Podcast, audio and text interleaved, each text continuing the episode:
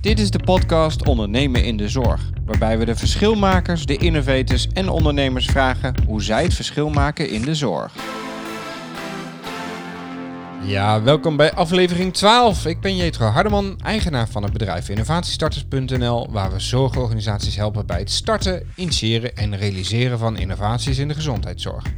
In deze podcast onderzoek ik de relatie tussen ondernemerschap en innovatie door succesvolle ondernemers in de zorg te vragen welke les heb jij geleerd die cruciaal zijn voor andere ondernemers, verschilmakers en innovatoren in de gezondheidszorg. En vandaag zit ik uh, samen met Patrick van der Schaaf, onder andere founder van Cognicum, Dr.Me en Zorgsprekers.nl. En daarnaast volgens mij nog heel veel andere digitale initiatieven uh, opgezet. Uh, welkom en uh, fijn dat je nou, in deze drukke bezigheden tijd had om uh, hier bij mij in gesprek te gaan. Ja, dankjewel. Leuk om hier te zijn. Ja, ik heb gelijk een vraag, want nou, we zitten hier nog steeds onder coronatijd. twee van jouw bedrijven, Zorgsprekers.nl en Cognicum, draaien om groepen mensen heen eigenlijk. welke invloed heeft corona op dit moment gehad op die bedrijven? Ja, die, die is natuurlijk e-, enorm geweest. Um, vanuit het ene eh, moment waren we een succesvol bedrijf met studiereizen over de hele wereld. Ja. We zijn preferred partner van HIMS um, voor de studiereizen. En ineens was het klaar. Drie dagen voor vertrek werd de HIMS geannuleerd. Ja, bizar. Dus al onze mee, uh, waren al een aantal medewerkers waren zelfs al onderweg. Uh, klanten waren al onderweg. Dus dat was een hele hectische tijd. Ja. En daarna lag het stil. Um, en hebben we wel de positieve kant gepakt. Maar daar zal ik zo nog wel wat over vertellen. Maar uh, het heeft heel veel invloed gehad ja. op, uh, op het congresleven natuurlijk. En dat is voor veel collega's. Voor ja, voor veel mensen, ja. Klopt. En daarnaast de zorgsprekers. Uh, daarvoor geldt eigenlijk de sneeuwbal. Want ja. ja. die werden natuurlijk ook meteen geraakt. Op het moment dat er geen congressen meer waren. Hadden we ook geen boekingen meer voor, voor zorgsprekers op nee. evenementen. Nee. nee. En is dat, uh, nou ja, de, heb je creatieve manieren gevonden om daar uh, mee om te gaan? Of? Ja, ik denk wel dat we heel snel hebben kunnen schakelen. Uh, we hebben een klein, compact team met, met alle capaciteiten in-house. En we zijn eigenlijk binnen twee weken omgeschakeld naar een serie webcasts of webinars. Of, oh ja, die heb ik gezien. hoe je ze maar noemen wilt. En die hebben we de Cognicum College Tour genoemd beetje geleend, hè? mag. Ja, tuurlijk. Um, en hebben we een reeks van, uh, van zes gemaakt met uh, een aantal zorgsprekers. Uh, die allemaal meteen hun medewerking verleenden. Echt superleuk. En we hebben zes verschillende onderwerpen genomen. Waarbij we eigenlijk de positieve kant van corona steeds belichten. Ja. Dus het werd geen corona-show. Nee. er waren natuurlijk ook wel een aantal andere concurrenten die heel erg op dat corona in gingen zoomen. En wij hebben juist gekeken naar van, oké, corona is een feit. Ehm, de situatie is een feit. Maar wat houden we hier nou positief aan over? Ja. Welke factoren konden eerst niet en nu wel? Nou ja, je kunt het zelf wel invullen. Dat een hoop uh, privacygevoelige zaken in één keer werden van tafel geveegd. En konden ineens wel. Ja. Ja, onder druk wordt alles vloeibaar. Hè? Dat is uh, toch het mooie daarvan. Is wel echt gebleken. Ja, ja, ja. ja. Hey, en uh, wat ik in de introductie al vertelde, uh, is heb je al veel initiatieven opgezet. Uh, ik ben eigenlijk wel nieuwsgierig. Hè? Was je als kind nou ook al zo ondernemend? ik heb me dat zelf ook wel eens afgevraagd. Um, want ik ben eigenlijk pas een jaar of acht, negen ondernemer. Maar altijd wel ondernemend. En volgens mij zei je dat er straks ook al. Ehm, ondernemend zijn is iets wat in je zit. En ondernemer zijn, dat moet je worden. Uh, omdat daar gewoon heel veel uh, praktische zaken bij komen. Um, bijvoorbeeld de afhankelijkheid van je eigen kracht om voor je geld te zorgen, om maar ja. wat te noemen. En uh, ik heb een aantal jaren bij grote maatschappijen gewerkt. En ehm, ja, daar is je salaris een gegeven. Ja. En daar mag je ondernemend binnen zijn. Ja. Binnen de kaders die je krijgt. Ja. Hey, en, en hoe, uh, als ik het aan je moeder zou vragen of je vader, wat zou die dan zeggen op die vraag? Wat merkten ze dan aan jou? Nou, om een voorbeeld te geven, um, verkocht ik op school al uh, zonnebrillen. Dus ik had uh, ja, ja, ja. CISA zonnebrillen. En uh, ik kocht hele dozen met de meest hippe zonnebrillen. En dan ging ik op het schoolplein die zonnebrillen verkopen. Ja. ik dacht altijd succesvoller te zijn dan ik was. Want mijn moeder moest dat allemaal voorschieten. ja, s- ik moet nog wel wat terugbetalen hier. ja, precies. Ja. Het is wel interessant, want als je inderdaad eh, kijkt naar, eh, naar vele ondernemers inderdaad, dan begint het inderdaad al in die tijd, hè, dat mensen al kleine handeltjes hebben, Ja. omdat ze dat, ja, en dan ben ik eigenlijk benieuwd, omdat ze, waarom? Wa- Ja. wa- wat was nou, waarom je dat ging doen dan? Nou, laat ik vooropstellen dat het niet om het geld ging. Nee. En ehm, dat heeft me nog nooit gedreven, ge- eh, moet ik eerlijk bekennen. Eh, wat me drijft en wat me denk ik toen ook dreef, is gewoon het leuke contact wat je krijgt via de as van verkopen, eh, mensen enthousiast maken voor een product, eh, een beetje risico, een beetje avontuur. Hoewel met de zonnebrillen het risico volledig bij mijn moeder zat Ja.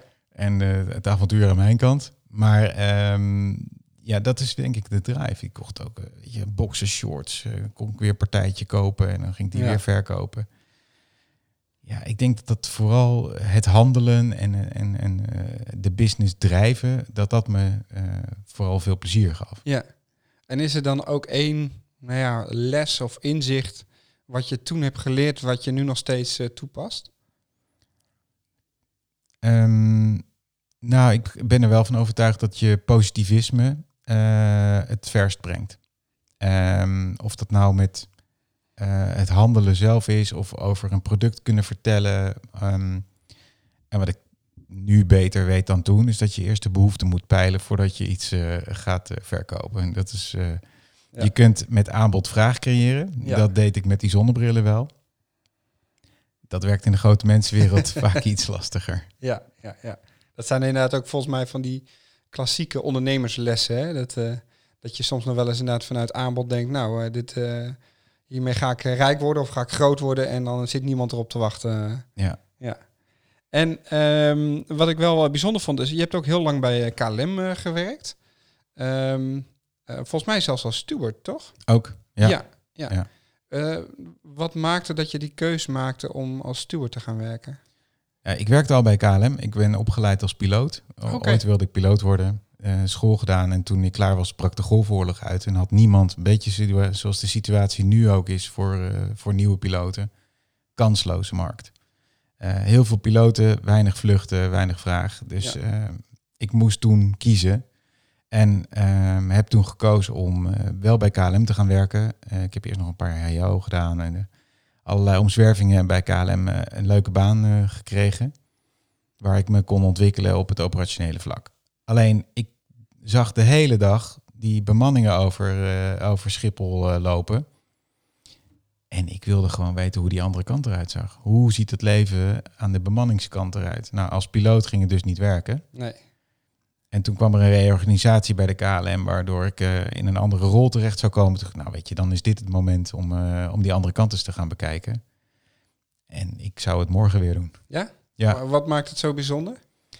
Nou, allereerst ben ik op die manier heel snel eh, de wereld overgegaan. Op allerlei plekken geweest waar je echt je vakantie niet voor uitzoekt.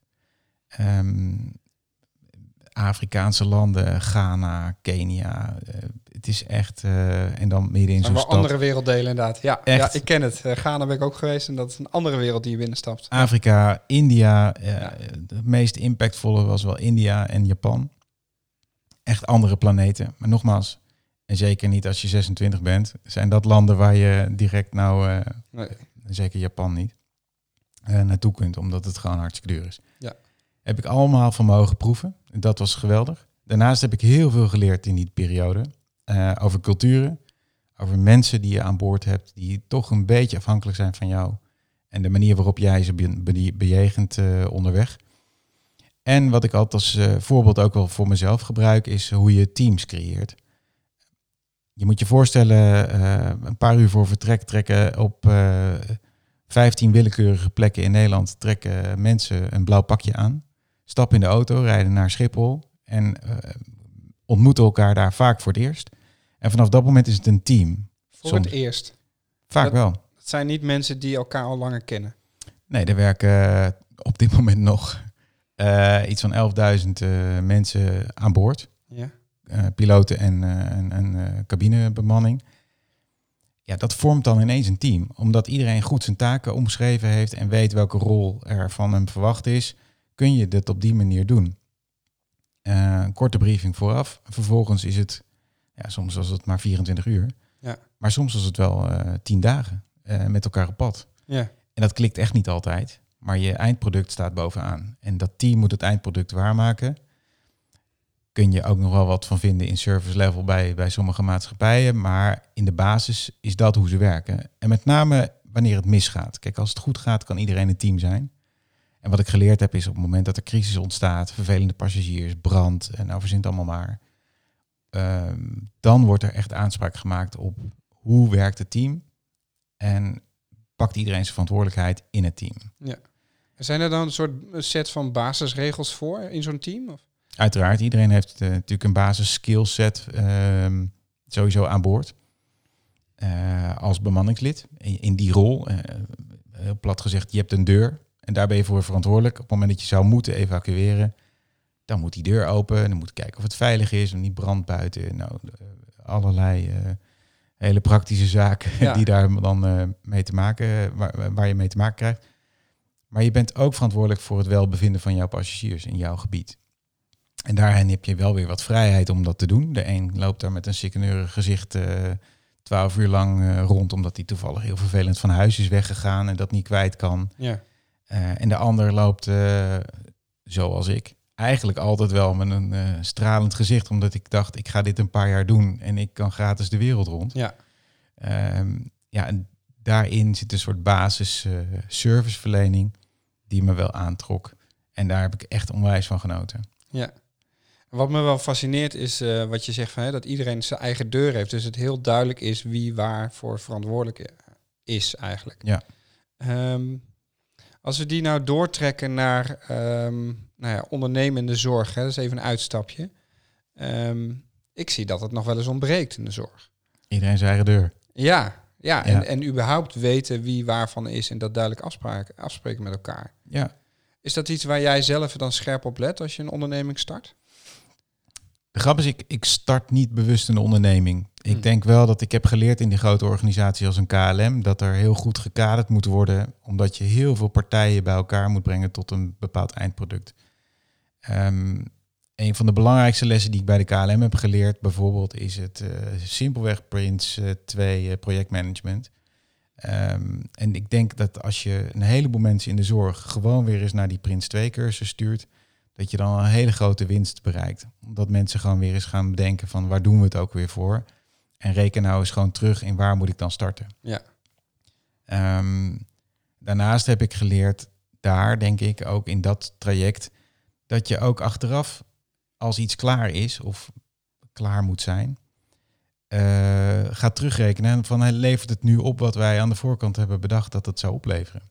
En dat gebeurt denk ik ook te weinig. Ja. Zowel bij KLM heb ik dat gezien, maar dat zie ik ook in de zorg. Ja. We starten een traject, het, het leek een goed idee en dus gaan we het doen. Ja. Maar er is maar heel weinig eh, momentum om achteraf te gaan meten van oké, we dachten toen dat het een goed idee was. En is dat het ook gebleken? Ja. En levert het op wat het opgeleverd heeft? Een soort eh, kritisch zijn op je eigen proces. Terugrekenen naar je benefits. Dat, eh, Ja, ja. ja dat is heel lastig. Ja. ja. Eh, veel eh, subsidieprojecten zijn eh, ooit gestart en gaan gewoon door, ondanks dat eigenlijk al van tevoren bekend is dat het geen duurzaam businessmodel heeft. Ja, ja. Ja. Ehm, hey, en na de KLM ben jij volgens mij de, de zorg ingedoken. Hè? Kun je even vertellen van waar heb je die, die, nee, die overstap gemaakt? Ehm, eigenlijk heel praktisch. Ik werkte 16 jaar bij KLM. Ik had eigenlijk allerlei functies wel bekleed. Van ehm, projectmanagement tot afdelingsmanagement. Nou, je zei het al, steward. Ik heb een paar jaar in het buitenland gewoond voor de KLM. Ik heb een prachtige tijd gehad in die club. Alleen ik was toe aan iets nieuws. En ik vertelde het ook al, ik ben ondernemend. Ik had best veel vrijheid om te ondernemen binnen de KLM. Maar die werd wel beperkter. En zeker toen Air France aan boord kwam, werden dingen nog Ja. beperkter. Er kwam te veel politiek. Toen kreeg ik een aanbod om eh, bij een bedrijf te gaan werken in, eh, in de plaats waar ik woon. Dus geen files meer. Nee. En die deden congressen in eh, de zorg, publieke sector en het onderwijs. ja, ik kon daar een hele mooie rol eh, gaan doen. En ik dacht, ik heb altijd tegen mensen bij de KLM gezegd, als je niet meer naar je zin hebt, moet je weggaan. Ja. En niet hier gaan zitten omdat het pensioen zo tevreden stelt. Ehm, dus toen ben ik weggegaan. En heb ik best wel een grote stap genomen. Want KLM is een hele fijne, mooie werkgever. Met alle mooie voordelen die erbij zitten. En heb ik, eh, ben ik gegaan naar een bedrijfje. Nou, eh, wat eh, vijf man werkte daar. En zijn we congressen gaan organiseren. Ja, En daar deden ze vooral congressen in de zorg. oké. Ja, dus zo ben je eigenlijk de, de zorg in gerold. Ja. ja. En op dit moment heb je dus meerdere bedrijven, initiatieven opgezet? Of, of ben je nog founder van? Ja. Ehm, en eentje daarvan is Cognicum. Kan je vertellen wat Cognicum precies doet? Ja, is? Nou, bij Cognicum is het eigenlijk allemaal begonnen. Dat is nu eh, bijna acht jaar geleden, zeven en half jaar geleden. Ehm, ik ben weggegaan bij dat bureau wat ik, eh, waar ik eerst werkte. En eh, ben ik eigenlijk met Cognicum me nog meer gaan specialiseren in kennisoverdracht en kennissenoverdracht, zoals ik het altijd zeg. It's not what you know, it's who you know. Ja. En daarom hebben we ook de, de, de, de Life is a Network eronder staan. Ik denk dat ik eh, met die manier van werken mensen heel goed bij elkaar kan brengen, zodat die mensen eh, de kennis met elkaar kunnen uitwisselen. Dus een verbinder. Een verbinder. Ja, ik ben zelf niet de inhoudelijk expert. Die pretendeer ik ook niet te zijn. Inmiddels weet je natuurlijk wel waar het over gaat. Ja. Dankzij zoveel interessante mensen die ik heb leren kennen in de zorg. En als je goed luistert, kun je de, de kernelementen natuurlijk best wel eh, meenemen. Maar ik ben niet die zorgman. Ik zit niet in die zorg. Ik sta niet aan het bed. Eh, ik ben geen bestuurder van een ziekenhuis. En dat pretendeer ik ook niet te zijn. Maar ik vind het wel heel leuk om te zoeken naar waar kunnen deze mensen elkaar nou vinden.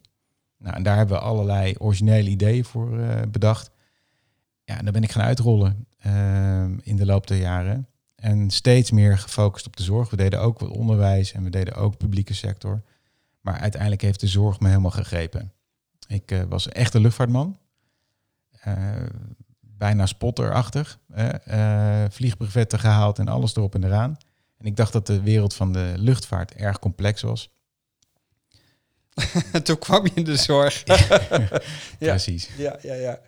En ehm, eh, je vertelde al over eh, kennisoverdracht en kennissenoverdracht. Als je dan kijkt naar de, de jaren dat Cognicum eh, nu bestaat, eh, is er een soort verschuiving gekomen qua behoefte aan kennis? Ja, kennis delen is natuurlijk met een eh, enorme vaart toegenomen. Ja. En nu klink ik een beetje als mijn opa, maar vroeger was het natuurlijk, moesten mensen het echt hebben van bij elkaar komen en lezingen ehm, eh, volgen. En dat zie je natuurlijk voor een deel nog steeds wel. Maar de digitale ondersteuning van het kennis overdragen eh, is nu wel echt embedded in, in de projecten die we doen. Ehm, we hebben ons ook steeds meer gericht op de ICT-kant en innovatiekant. Ja. Steeds minder op eh, algemene zorg. Ik doe bijvoorbeeld niet eigenlijk meer in facilitair of in logistiek. Maar echt de, de, de innovatieve kant en de ICT-kant van de zorg, dat, dat boeit mij enorm.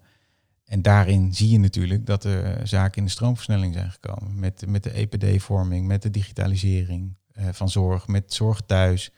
Ja, het is een eindeloze manier. En wat ik intrigerend vind, is hoe blijf je bij als bestuurder van een ziekenhuis, die die visie en die strategie moet uitzetten, terwijl je om je oren geslagen wordt met de hoeveelheid eh, innovatieve zaken. Potentiële oplossingen, ja. Ja. En eh, nou, dat, dat triggert me wel, want ehm, ik, had al een vraag van, goh, is er al een soort van ondernemerscongres in de zorg? Eh, omdat ik zelf denk dat inderdaad juist omdat er zoveel aanbod is, moet je dus een, een mindset ontwikkelen waarin je snel doorkrijgt wat werkt wel en wat werkt niet. Wanneer moet ik wel iets eh, aanhaken of wat niet? Ehm, heb je ook het idee dat, dat die behoefte ook steeds meer groeit binnen zorgorganisaties? Ehm, ik denk dat de behoefte, met name om het goed te structureren in een zorgorganisatie, eh, hoe krijg ik de behoefte die ofwel wordt aangeboden, omdat iemand iets briljants heeft bedacht, Ja.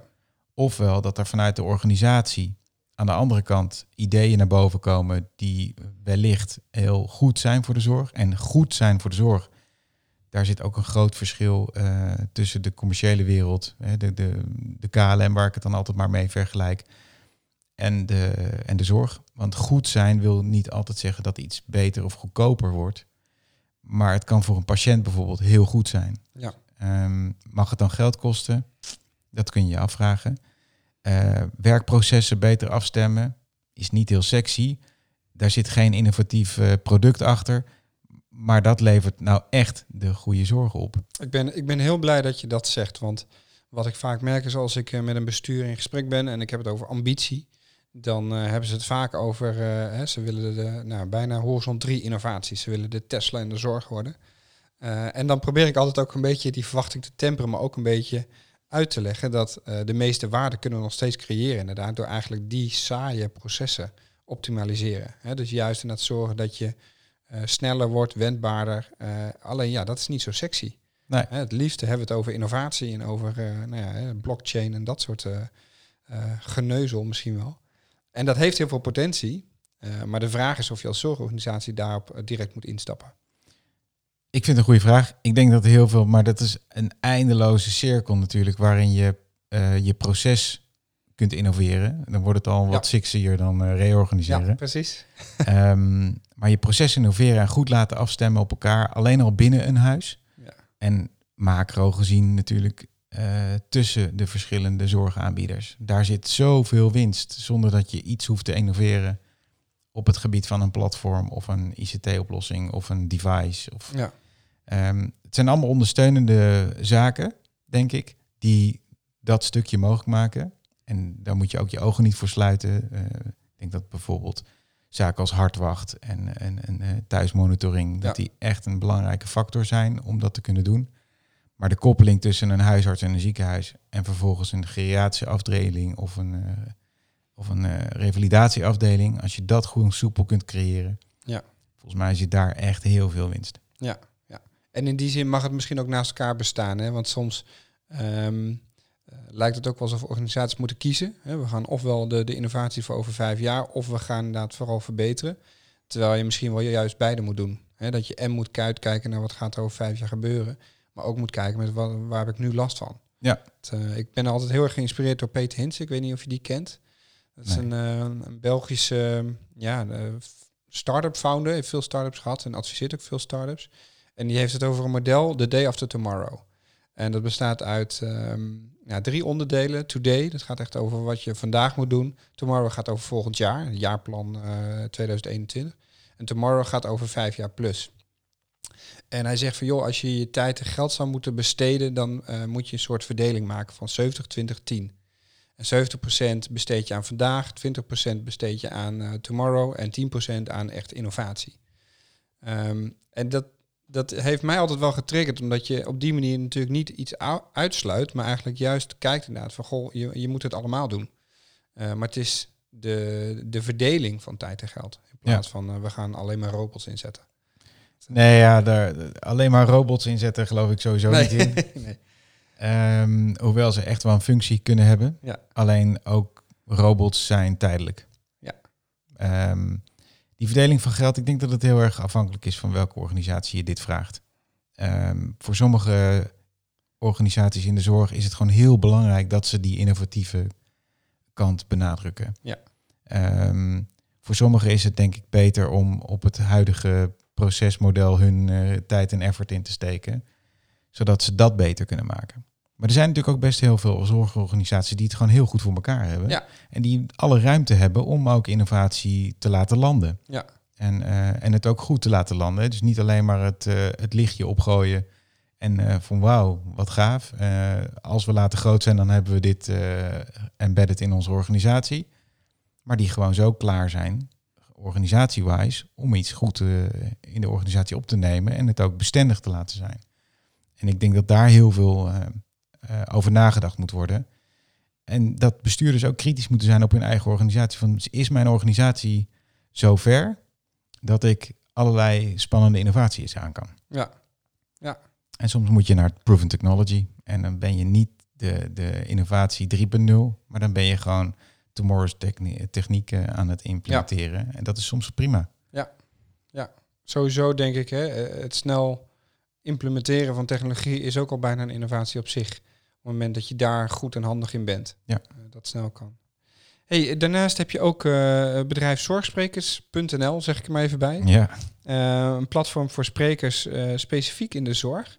Eh, waarom is er eigenlijk een speciaal sprekersbureau nodig in de zorg? ja, goede vraag. Ik heb zo ontzettend veel leuke mensen leren kennen door de, door de jaren heen bij eh Cognicum, eh, bij de congressen.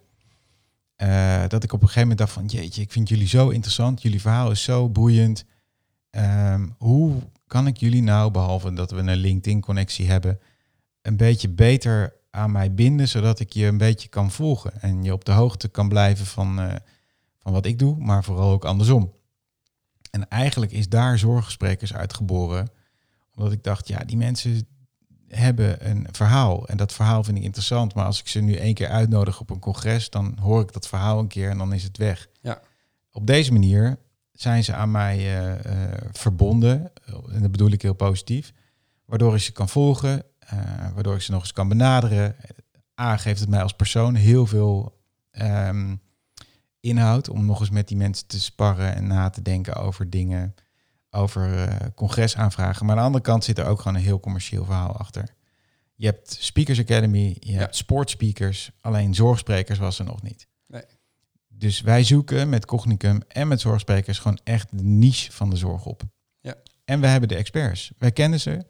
We kunnen voor jouw congres de juiste sprekers regelen. We hebben dagvoorzitters, we hebben innovatiespecialisten, we hebben mensen die over organisatiestructuren kunnen praten. Eh, tot aan een biohacker die zelf een implantaat, eh, implantaat in zijn arm heeft. eh, Hebben we het dan over Peter of niet? Of hebben we een andere... er- er zijn er genoeg, Maar, ja. ja, ja. Inmiddels is het best wel een, een succesvol bureau geworden eigenlijk. Ja. En aan de andere kant zit het voor Cognicum heel interessant in elkaar, omdat we natuurlijk nauw verweven zijn. Dus als mensen een spreker zoeken, hebben ze dus een congres. Ja. Nou, laten wij dat nou organiseren Ja. eh, en kunnen faciliteren. En op Ja. die manier werkt het eh, als een soort eh, brug naar twee kanten. En hebben we dan, zijn er eigenlijk voldoende sprekers ofwel rolmodellen ja, in de zorg? Ik denk dat er heel veel rolmodellen zijn in de zorg, klein en groot. Ehm, de grote kennen we allemaal. En daar heb ik ook heel veel respect voor. Mensen die echt een beweging op gang hebben gebracht. Waar we met z'n allen achteraan gaan, omdat ze het gewoon goed gezien hebben. Ja. Ehm, ik zal geen namen noemen, maar er zijn gewoon echt een paar mensen die eh, een verschuiving hebben eh, laten plaatsvinden. En daar heb ik heel veel bewondering voor. Dus dat alleen al vind ik eh, te gek.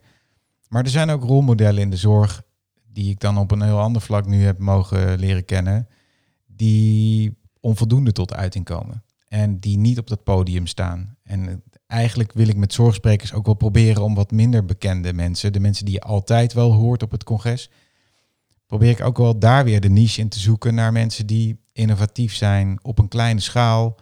Of een mooi idee of, ervaring hebben die ze op een hele mooie manier kunnen delen. Dat zijn vaak hele inspirerende verhalen voor congressen. Ja. Zonder dat je de grote naam hebt. Ja. Ehm, en dat is ook wel iets wat mij persoonlijk drijft. Want deze mensen verdienen een podium Ja. en krijgen het vaak niet. Dat is En, durven ze dan dat podium te pakken? Want wat, eh, het raakvlak wat ik zie, als, het, hè, als we het hebben over ondernemende zorg, dat, dat betekent ook ergens voor staan en je, je kop boven het maaiveld uitsteken. Ehm, ik zie ook dat daar vaak een soort gebrek aan is. Dat mensen hele mooie dingen doen, goede dingen doen, inspirerend zijn. Maar toch, als je ze vraagt, joh, hè, wil je dit vertellen? Wil je dit delen met anderen? Dan, ja, nee, zo goed is het toch niet. Ja, Dus hoe ga je die mensen dan dat podium... Of ja, wat is er dan nodig om die mensen dat podium te geven? ik denk vertrouwen. Ehm, ik ben met Cognicum gestart met eh, de absolute overtuiging dat wij alleen maar inhoudelijke dingen doen. Dus wij doen nooit eh, incentives of zo, of, of eh, pretpakketten. Het, het is echt altijd gedreven door de inhoud. En dat doen we met zorgsprekers ook. Dus als je bij de zorgsprekers zit, weet je ook dat als je gevraagd wordt voor iets, dan gaat het om jouw inhoud en niet om je naam. Of het gaat echt om het verhaal. En als we die voorbesprekingen doen met mensen die minder gewend zijn om het podium te pakken of ehm, eh, dat minder prettig vinden, dan kunnen we met dat vertrouwen over die as, over hun onderwerp, want dat weet je zelf ook, als je over een onderwerp kan praten wat dichtbij je staat, dan is het verder niet zo moeilijk. En is het podium eigenlijk de bijzaak geworden. Hey, en als je kijkt naar, eh, naar, de, naar de zorg als sector, zijn er dan voldoende ondernemers, friskijkers eh, of verschilmakers in de zorg? Oeh, dat is een hele grote vraag. Eh, ik denk dat er genoeg ondernemers in de zorg zijn. Ehm, misschien wel te veel. Ja? Kun je dat uitleggen? Nou, kijk, de zorg is de grootste economie van Nederland. Ja. Ehm, en dat snapt iedereen die even naar de macrocijfers van Nederland kijkt. Ehm, als je nu ook de coro- coronaperiode bekijkt, welke organisaties vallen direct om en welke blijven gewoon overeind omdat ze een primair punt in onze samenleving zijn. Ja. Ehm, dus ik denk dat er genoeg ondernemers zijn. Ik denk alleen dat de ondernemers met de juiste drive er niet altijd zijn. En wat ik zei, geld heeft mij nog nooit gedreven. En dat gaat het ook nooit doen. Eh, misschien omdat ik niet opgegroeid ben in een echte commerciële organisatie. Ik ben als dienstverlener, projectmanager opgegroeid binnen de KLM. En dus ook niet van de targets en, Nee. eh, dat, dat soort zaken. En op die manier wil ik ook niet werken. Ehm, werken we ook niet. We werken op manier die ons drijft en waar we energie van krijgen. Ehm, je hebt in de, in de zorg best een hoop ondernemers die, denk ik, eh, die drive een beetje uit het oog verloren zijn. Die drive om het echt beter te maken, om echt leuke dingen te doen, om echt energie te geven en te krijgen. Maar er zijn ook wel best wel ondernemers die ja, die drive misschien wel ooit gehad hebben. Ja. En die uit het oog verloren zijn. Wat, wat, wat daardoor zeg maar ook een soort ehm, eh, verkeerde blik geeft op ondernemers in de zorg. Hè? Van, Exact. Dat zijn eh, geldbeluste mensen. Nou, en dat geeft ook een andere kant. Hè? Want als je het goed doet in de zorg, laten we ook heel eerlijk zijn. Er zijn natuurlijk partijen die het heel goed doen in de zorg en daar ook best heel veel geld in verdienen. Maar als je echt iets goeds neerzet en je product Ja. eh, levert echt waarde, dan mag dat ook beloond worden. Ja. Ehm, Nou, zijn- in die zin, ik, ik durf bijna wel te zeggen, het is essentieel dat je wel moet kijken naar inderdaad, hè, en voe- leeft het toegevoegde waarde, maar dat er ook iets voor terugkomt. Ja. Want te vaak zie ik eigenlijk dat er wel mooie dingen gemaakt worden, maar dat er dus niet gekeken wordt naar, levert dit wel voldoende omzet? Eh, en dat is de andere kant. dat is eh, zeker de andere kant. Dus ik vind het ook bijna een teken van duurzaamheid eh, dat je naast een goed idee ook kijkt naar, ja, waar gaat het dan op besparen of waar leeft het dan waar toe en wat krijg ik ervoor? Ja. Anders Ja. kan het gewoon niet bestaan. Daar mag je gewoon commercieel naar kijken. Ja, vind ik wel. Ja. Want eh, innovaties die alleen maar gefund worden vanuit ZonMW en Ja. eh, drijven op subsidies, dat waren dus niet zulke goede ideeën. Nee, precies. Nee, die waren nog niet helemaal af. Of op de verkeerde plek geïmplementeerd. En, ehm, eh, want dat zijn vaak initiatieven, hè, start-ups, die eigenlijk tegen de zorg aanschurken. Als je kijkt naar de zorgmedewerker die binnen een ziekenhuis of een, een verpleegunit eh, werkt, Mhm. hebben die nou voldoende ondernemerskills om ja, eigenlijk continu bezig te zijn met die vernieuwing? Ik denk dat het heel menselijk is en heel persoonlijk is. Eh, ik denk niet dat het heel goed gestimuleerd wordt. Ehm, want ik geloof er heel erg in dat in allerlei zorgorganisaties zoveel kennis en kunde is. En inspiratievermogen om te innoveren binnen een, een ziekenhuis of een, een ander soort, soort zorginstelling. Eh, dankzij de Cognicum College Tour hebben we weer ontzettend veel leuke verhalen gehoord over mensen die binnen die coronatijd in één keer opbloeiden. Eh, omdat ze ineens de vrijheid kregen om Ja. eh, hun afdeling net even iets anders in te richten. Of taken op te pakken die ze normaal gesproken niet doen. Waarin, waardoor rimpels gladgestreken werden. Ehm, dus dat is iets wat heel positief vanuit die coronatijd komt. Maar dat zit in die organisatie verborgen. En eh, dat vind ik een interessant vraagstuk. Van hoe haal je nou uit de organisatie die pareltjes naar boven die jouw Ja. organisatie zo goed kennen dat ze jou eigenlijk verder kunnen brengen. Ja, en dat is wel interessant, want je hoort ook nu steeds vaker de zoektocht naar hoe houden we dit vast. En dan ben ik ook al benieuwd, wat wil je vasthouden dan? Volgens mij moet je zoeken naar een soort blended. Hè? Wa- wa- Wat Mhm. wil je verder ontwikkelen? Maar wat je met name hoort is dat mensen ehm, nou, zich als een vis in het water voelden toen het vloeibaar was. eh, ook echt een rol pakten. En nu langzaam weer last krijgen eigenlijk van de systemen, de protocollen, de, Ja. alles zeg maar, waardoor ze niet meer het gevoel hebben, ik ben eigenaar hiervan. Ja. Ik, ehm, dat is nog wel echt een zoektocht, Ja. hoe we dat nou goed kunnen doen. Ja, en dat zit in allerlei dingen verstopt. Dat zit ook, wat houden we vast? Bijvoorbeeld, wat ik net schetste bij de KLM.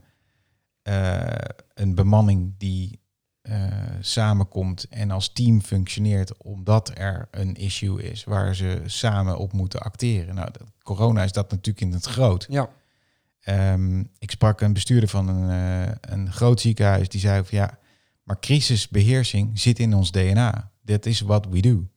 Ehm, alleen door de coronacrisis, de aanhoudende duur van de coronacrisis, heb je gezien dat op allerlei vlakken mensen naar boven kwamen drijven die goede ideeën hadden. Ehm, en dat dankzij de crisis hun lijnen naar de bestuurders en naar de partijen Ja. die ze normaal gesproken niet kunnen overtuigen, in één keer er wel waren. Ja. Nou, als je het dan hebt over wat moet je vasthouden, geloof ik heel erg in dat je, als je dat kunt vasthouden als organisatie, waarbij die mensen die hun hoofd boven het maaiveld uit durven steken op het moment dat het toe doet, dat je die vast blijft houden. ja.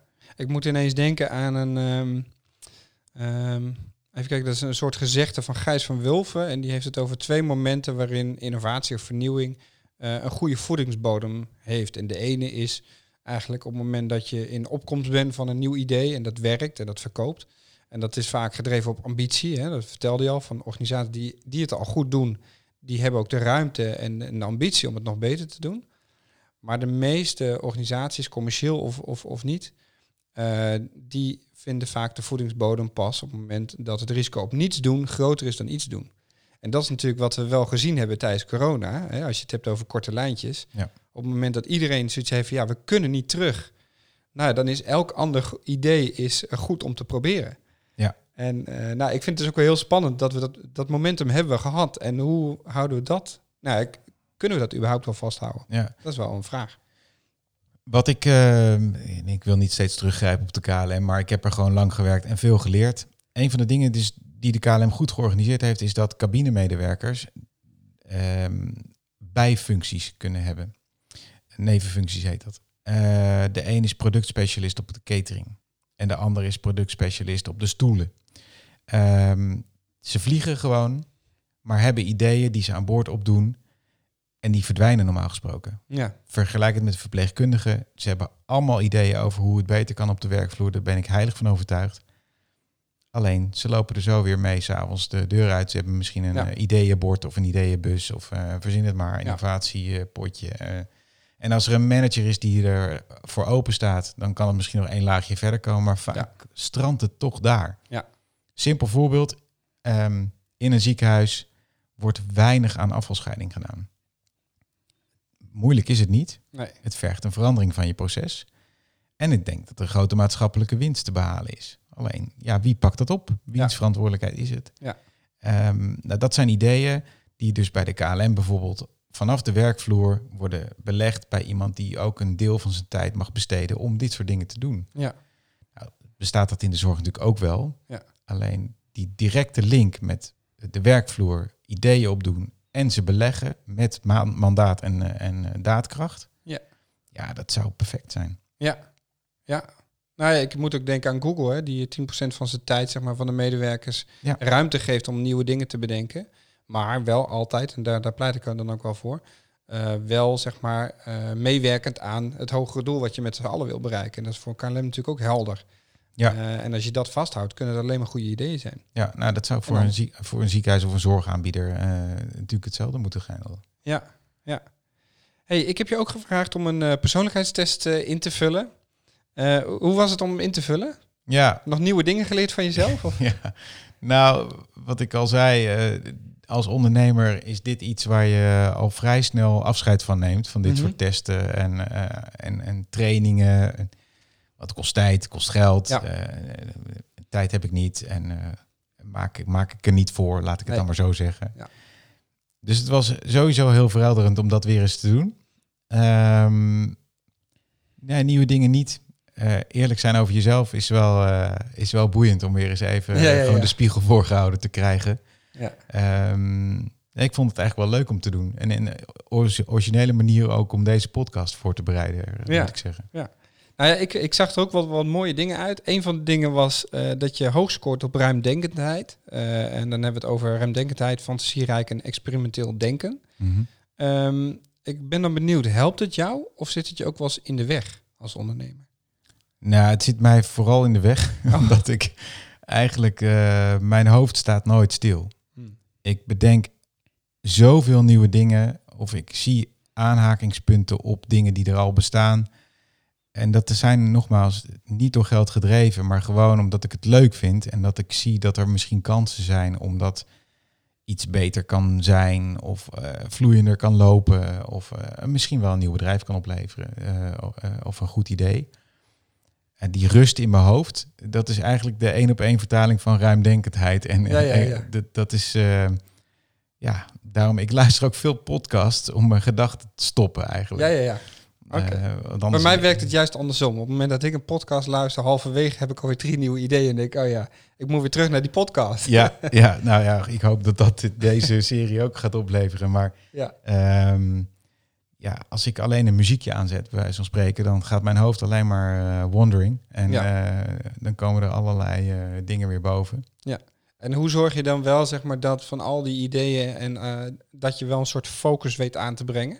Door met mensen te praten. Oké. Ja, ik heb echt daar wel moeite mee om die focus te bewaren. Maar het, het, het, aloude gezegd is, waar, je, waar je aandacht hebt, voor hebt, dat groeit. Ja. Zo is het echt.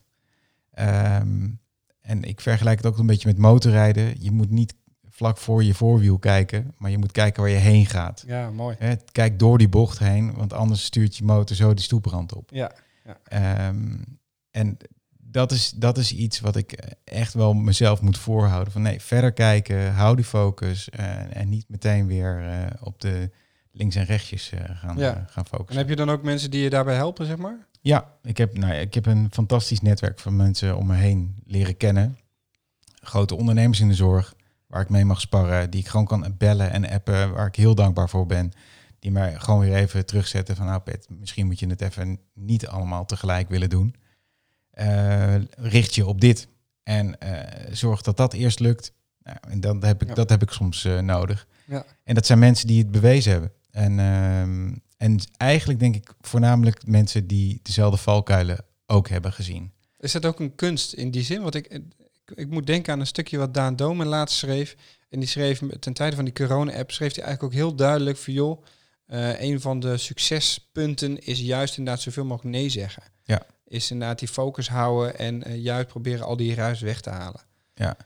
Nou, leuk dat je Daan noemt, want dat is er dus één van. Ja, ja. Ehm, ik heb heel veel respect voor Daan eh, als, als ondernemer, maar ook als mens. En eh, ook hij eh, heeft de drive niet op het geld, maar hij heeft het zeker op het beter maken van processen en de zorg. Ja. En nogmaals, dat hadden we het net al over, dat mag ook best beloond worden. Tuurlijk. ja. Ehm, Maar die drive, die heeft hij. En dat vind ik zo bewonderenswaardig. En ook mensen waarvan je het misschien niet verwacht, eh, waar ik mee mag sparren, ehm, die al lang niet meer voor het geld hoeven te gaan, ehm, maar die wel weer terugverwijzen naar hou vast wat je hebt en focus op wat je doet. Ja. Ehm, want de, de afleidingen zijn er legio. Ja. En misschien juist door dat ruimdenkende en die expressi- expressiviteit, creativiteit, zie je ook wel achter elke bocht weer een nieuw idee. Ja. Maar ja, Ja. eerst maar even afmaken. Dus eigenlijk als je dus een innovatiemanager bent of een innovator in de zorg, dan moet je je netwerk creëren van mensen die je daarop kunnen challengen. Zeker. Ja. Anders dan ga je alle kanten op. Geen ja-knikkers om je heen. Nee. En dat, Juist dat, de- De juist mensen die kritisch zijn op wat je bedenkt. Ja. Eh, mensen die jou op dat juiste pad kunnen houden. Ja. Ehm, en waar we het al eerder over hadden, die ook goed naar het eindproduct blijven kijken. Van, hè, waarom doe je dit ook alweer? Ja. ja, dat is ook een grote valkuil soms. Hè? Dat we in, in alle enthousiasme vergeten welk probleem waren we nou eigenlijk aan het oplossen. Ja, omdat je along the way natuurlijk ook een heleboel nieuwe problemen tegenkomt. Ja. Dat is natuurlijk de andere kant. Ja.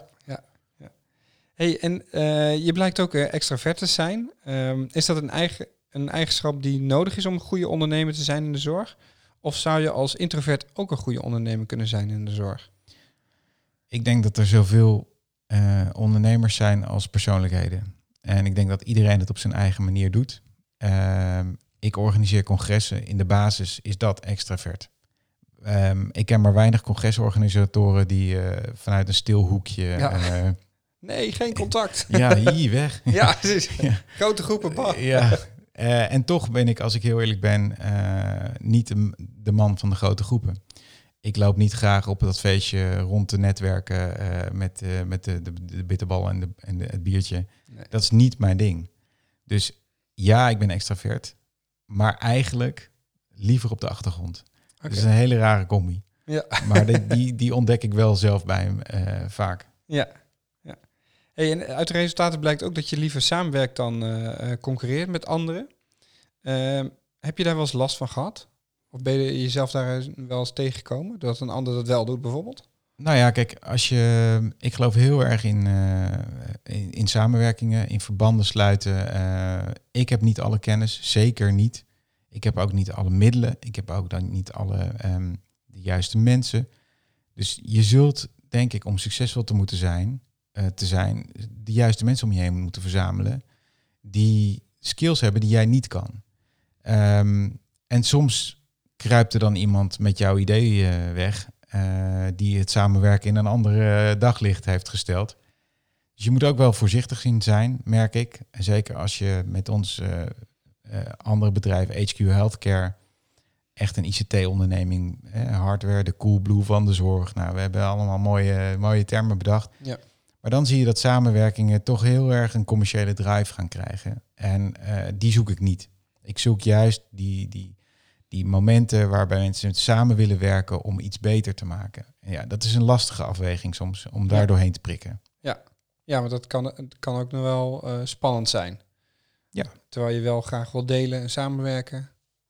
Ja, dat, die spanning heb je ook wel nodig om verder te ondernemen. Maar het, het is wel. Uh, ik kan het niet zonder samen te werken. Maar soms ja. moet je daar wel voorzichtig in zijn. Ja, en wat er ook uitkomt is uh, dat je niet snel van slag bent uh, tijdens stresssituaties. Misschien ook iets wat tijdens KLM goed uh, van pas kwam.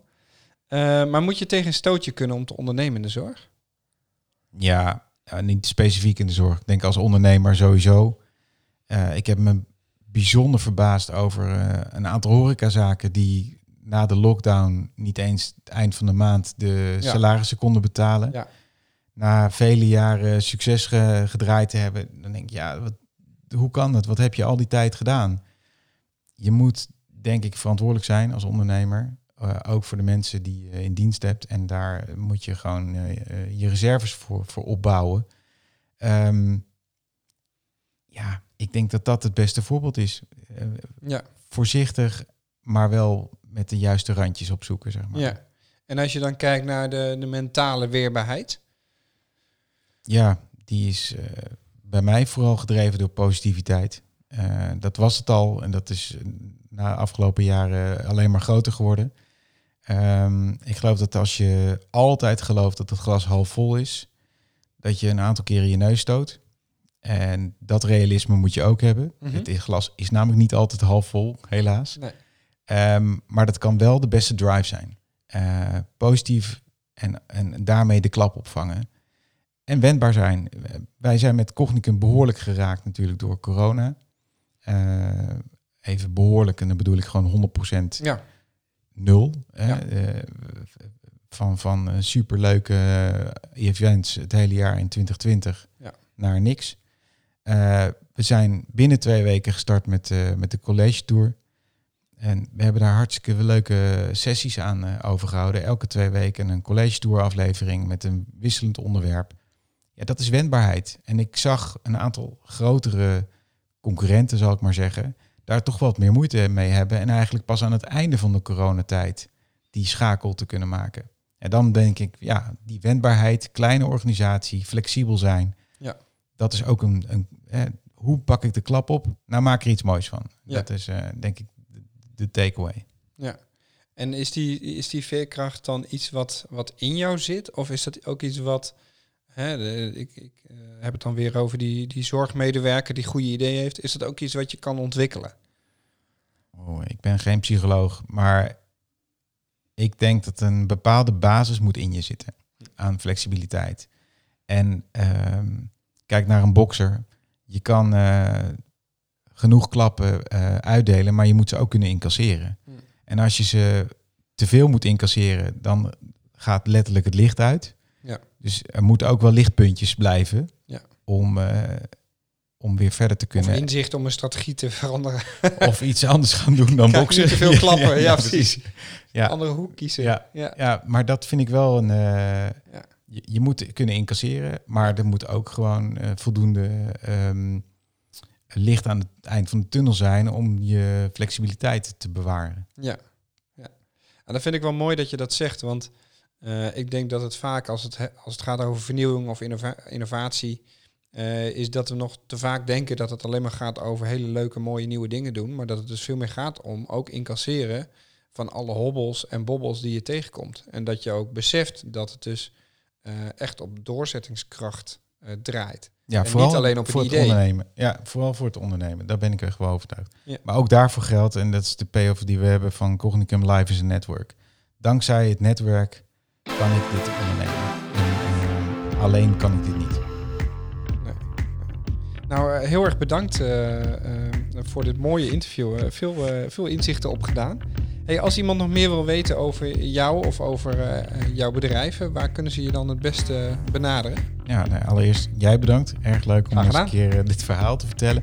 Eh Cognicum.com is onze congreswebsite. Daar stuur me een linkje, LinkedIn berichtje en dan vind ik het leuk om te connecten en te kijken wat, wat er nog meer uit kan komen. Oké, dankjewel. Super, jij bedankt. Dank jullie wel voor het luisteren naar deze aflevering. Wil je de vorige aflevering terugluisteren, dan kan dat via SoundCloud, iTunes of Spotify.